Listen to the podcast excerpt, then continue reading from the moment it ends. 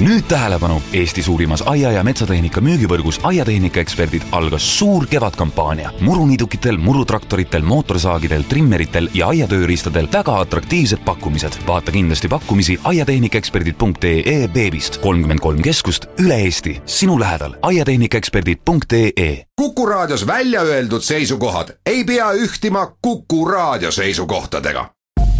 Te kuulate Kuku Raadiot. Eurominutid.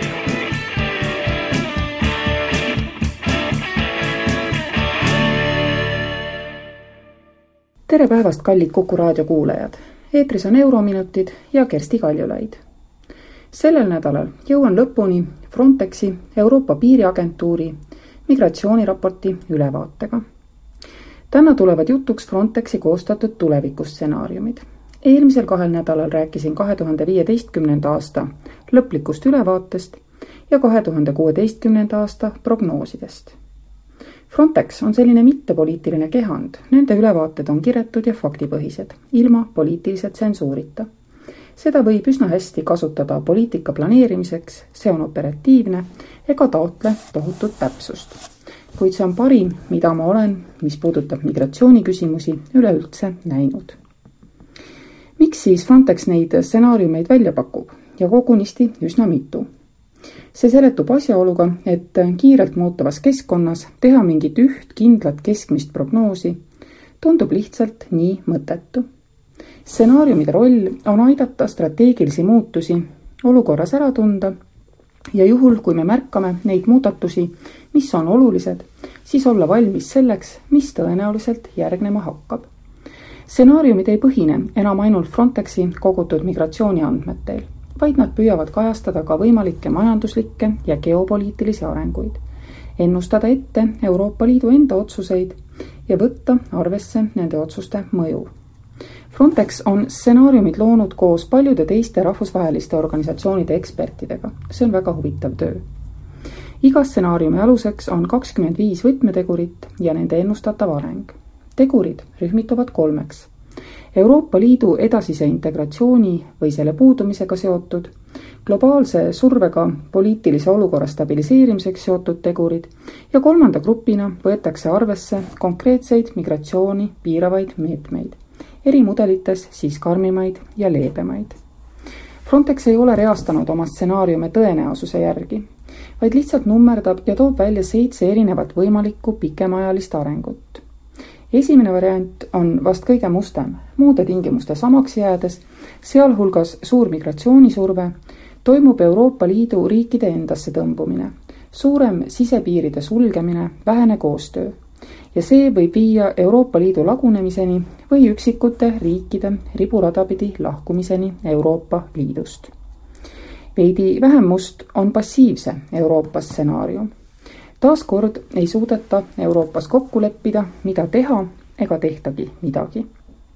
Euroopa kaitseb küll oma välispiire reaalsete tugevate sammudega, kuid ta sulgub iseendasse Euroopana ega püüa välispoliitiliselt ennast ümbritsevat kuidagi mõjutada. liidus ei süvene enam poliitiline integratsioon, säilib peamiselt majandusühendus ja huvi ühiselt välispiiri kontrollida sisepiiridel taaskehtestatakse kontrollid siiski samuti. kolmas stsenaarium lähtub sellest, et Euroopa Liit saavutab vajalikud poliitilised kokkulepped ja Schengen säilib, sest liikmesriigid leiavad lahenduse, kuidas immigrante ühiskonnas jaotada ja integreerida. immigratsiooniga seotud kuritegevus jääb aga jätkuva migratsioonisurve tõttu alles ja küllalt kõrgel tasemel. kodanikud aktsepteerivad kultuurilist mitmekesisust oma kodukohas neljas stsenaarium näeb ette vägagi piiratud sisenemispoliitikat, niinimetatud suletud Euroopat, kuid liikmesriikide tihedat koostööd selle stsenaariumi elluviimiseks. nii ühine välispoliitika kui piiripoliitika keskenduvad sellele, et Euroopasse ei tuleks eriti palju inimesi, sest rahvusriikides ei olda valmis suuremaks avatuseks. koostöö migratsiooni kontrollimiseks võib samas olla pigem riikide vahel bilateraalne kui üle-euroopaline, kuid ka see annab efektseid tulemusi, sest et poliitiline tahe on vägagi kõva. samas migrante ei suudeta integreerida, sest puudub vastav tahe ja ühiskonnad ei ole selleks valmis. viies stsenaarium on mitmekiiruseline Euroopa. osa liikmesriike sulgub iseendasse. välispoliitikas domineerib ikka reaalpoliitika. Euroopa on loobunud suuremast ühisest koostööst. Osa riike on aga valinud koos avatuma poliitika. avatuma poliitika ajajad võtavad vastu haritud inimesi mujalt ja nemad ka integreeruvad kiiresti Euroopal on küll ühine piirivalve, kuid Schengeni sisepiiride kontroll siiski tuleb, et jääda. kuues stsenaarium on senisest rohkem Euroopat. palju rohkem aktiivset ühist välispoliitikat, ühine piiripoliitika nagunii. Kõik liikmesriigid suudavad korraldada avatud ja mõistlikku asüülipoliitikat. migrantidega tegeletakse ja nad integreeruvad ühiskonda päris hästi välispiiri kontrollitakse efektiivselt, kuid vastu pakutakse legaalseid mehhanisme Euroopasse ümberasumiseks. Schengeni tsoonis säilib loomulikult vaba liikumine selle stsenaariumi puhul. seitsmes ja viimane on avatud uste stsenaarium. See stsenaarium eeldab väliste konfliktide lahendamist ja ka keskkonnariskide leevendamist piirkondades, mis ähvardavad muutuda elamiskõlbmatuteks liikmesriigid suudavad selles rahulikus maailmas loomulikult kontrollida migratsiooniga kaasnevat kuritegevust ja migratsioonisurve ise saab olema madalam kui praegu. liikmesriikide majanduslik ja poliitiline koostöö tiheneb jätkuvalt. migratsiooni ei nähta turvariskina, vaid taaskord, nii nagu viimastelgi kümnenditel, majandusliku võimalusena, kuid vastu võetakse pigem haritud migrante. kuna sisenemissurve on langenud, siis ei vajata ka ühtset piirivalvet. uskumatu, millise utoopiana kõlab täna see seitsmes stsenaarium mis tegelikult on olukord, mis võib-olla ainult kümme aastat tagasi, võib-olla isegi viis aastat tagasi peaaegu et valitses. siis räägiti palju rohkem avatud ja haritud migratsioonist. Sellest, et Euroopa ei saa kätte koolis käinud migrante võrreldes Ameerika Ühendriikidega, sest et ta ei ole piisavalt avatud. palju vähem räägiti kriisist ning puhtast toimetulekust põgeneva massiga Frontex tunnistab, et seitsmes stsenaarium on tänasest olukorrast väga-väga kaugel. Lähemal meie praegusele seisundile on suletud Euroopa ja passiivne Euroopa.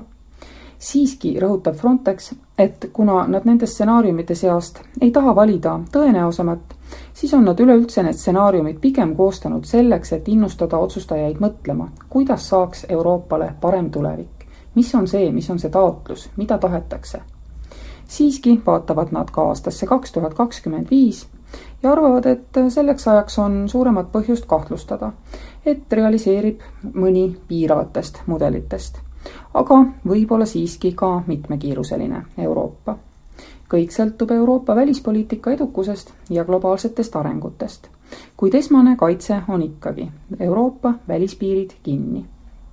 Need mudelid aitavad meil paremini mõista seda, milleni viivad ühed või teised poliitilised sammud, kuidas hinnata ühe või teise poliitilise jõu lubadusi ja kuidas erinevad arengud võivad mõjutada meie majanduslikku heaolu, julgeolekut ja üle-euroopalist koostööd.